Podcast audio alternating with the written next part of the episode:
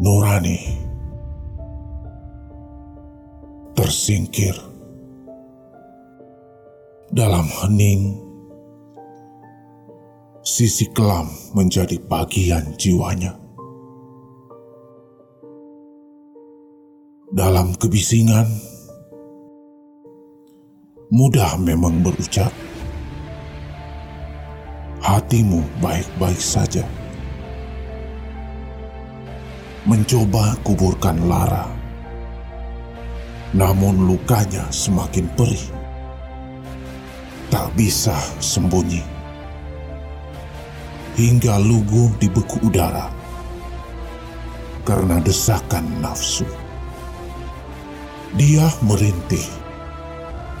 Tidak satu suara pun membalas. Beranjak dari lamunan itu. Lalu ia akan memudar dengan sendirinya.